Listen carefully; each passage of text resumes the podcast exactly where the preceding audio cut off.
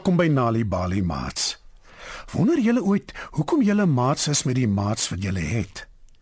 Vriende is veronderstel om ons gelukkig te maak en ons te help wanneer ons in die moeilikheid is, nie waar nie?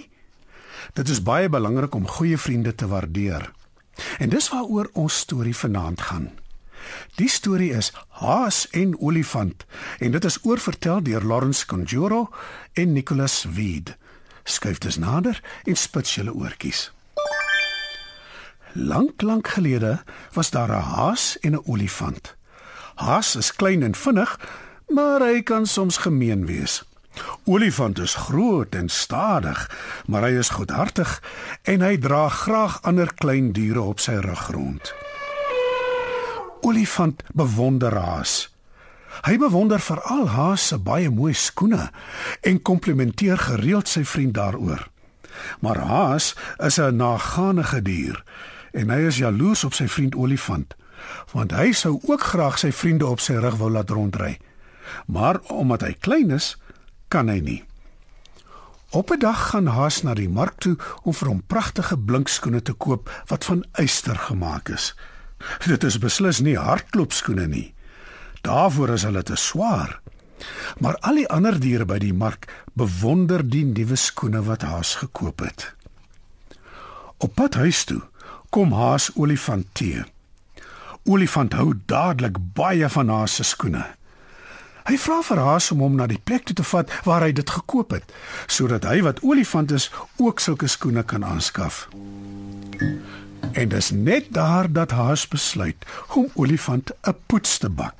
Hy sê dus: "Olifant, na regte behoort jy skoene te kry wat baie beter is as myne." Dan kan jy daarmee spog by al die ander diere.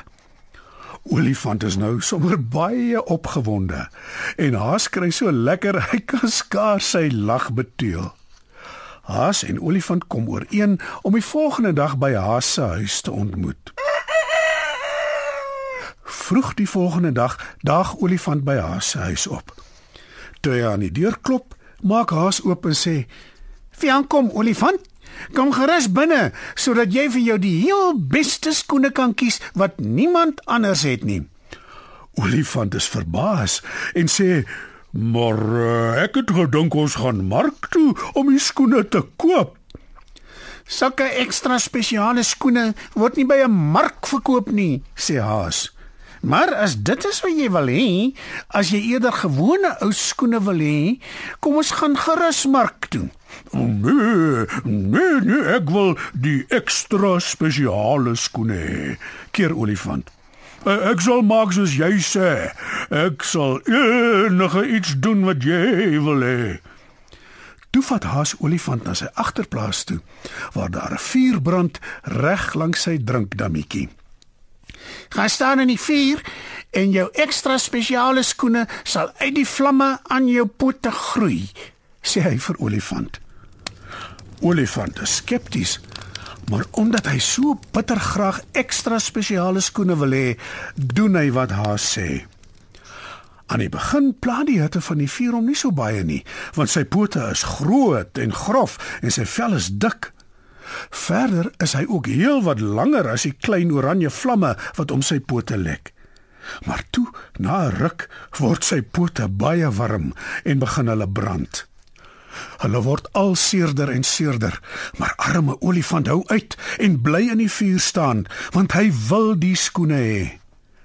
Toe die pyn te veel word om te verduur, kan hy nie meer nie. Olifant huil nou al van die pyn. Nou op huil, sê Haas met 'n gemeene glimlag. Anders is die skoene wat in jou pote gaan groei lelik. Olifant haal diep asem en dink aan hoe mooi die ekstra spesiale skoene gaan wees. Hy kry dit reg om op te hou huil. Maar dan word die pyn nog erger en nou huil hy eers.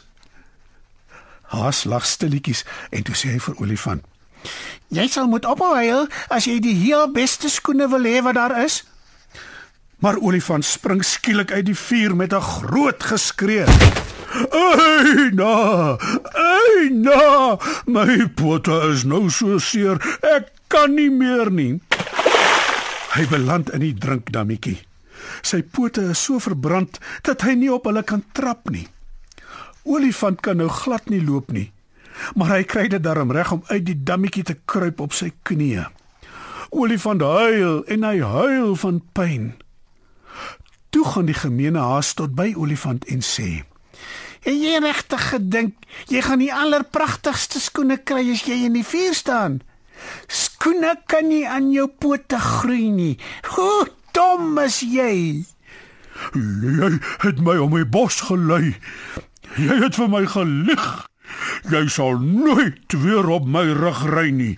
sê Olifant en strompel krippel krippel weg op sy seerpote. Ek gee nie om nie.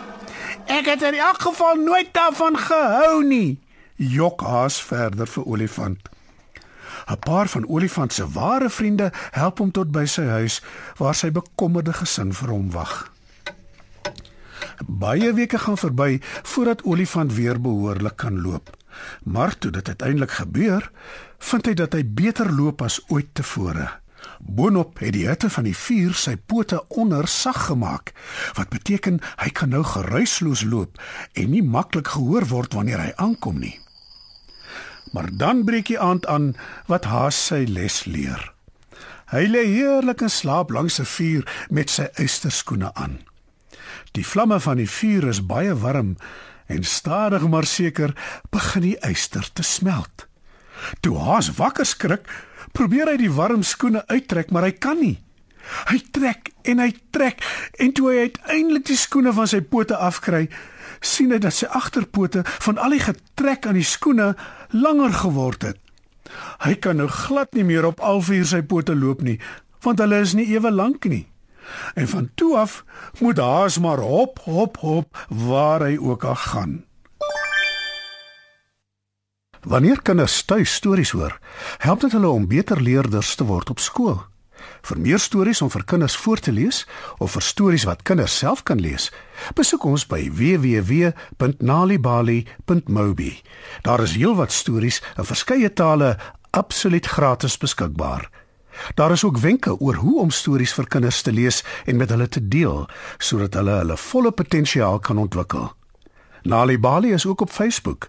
Story Power. Bring dit huis toe.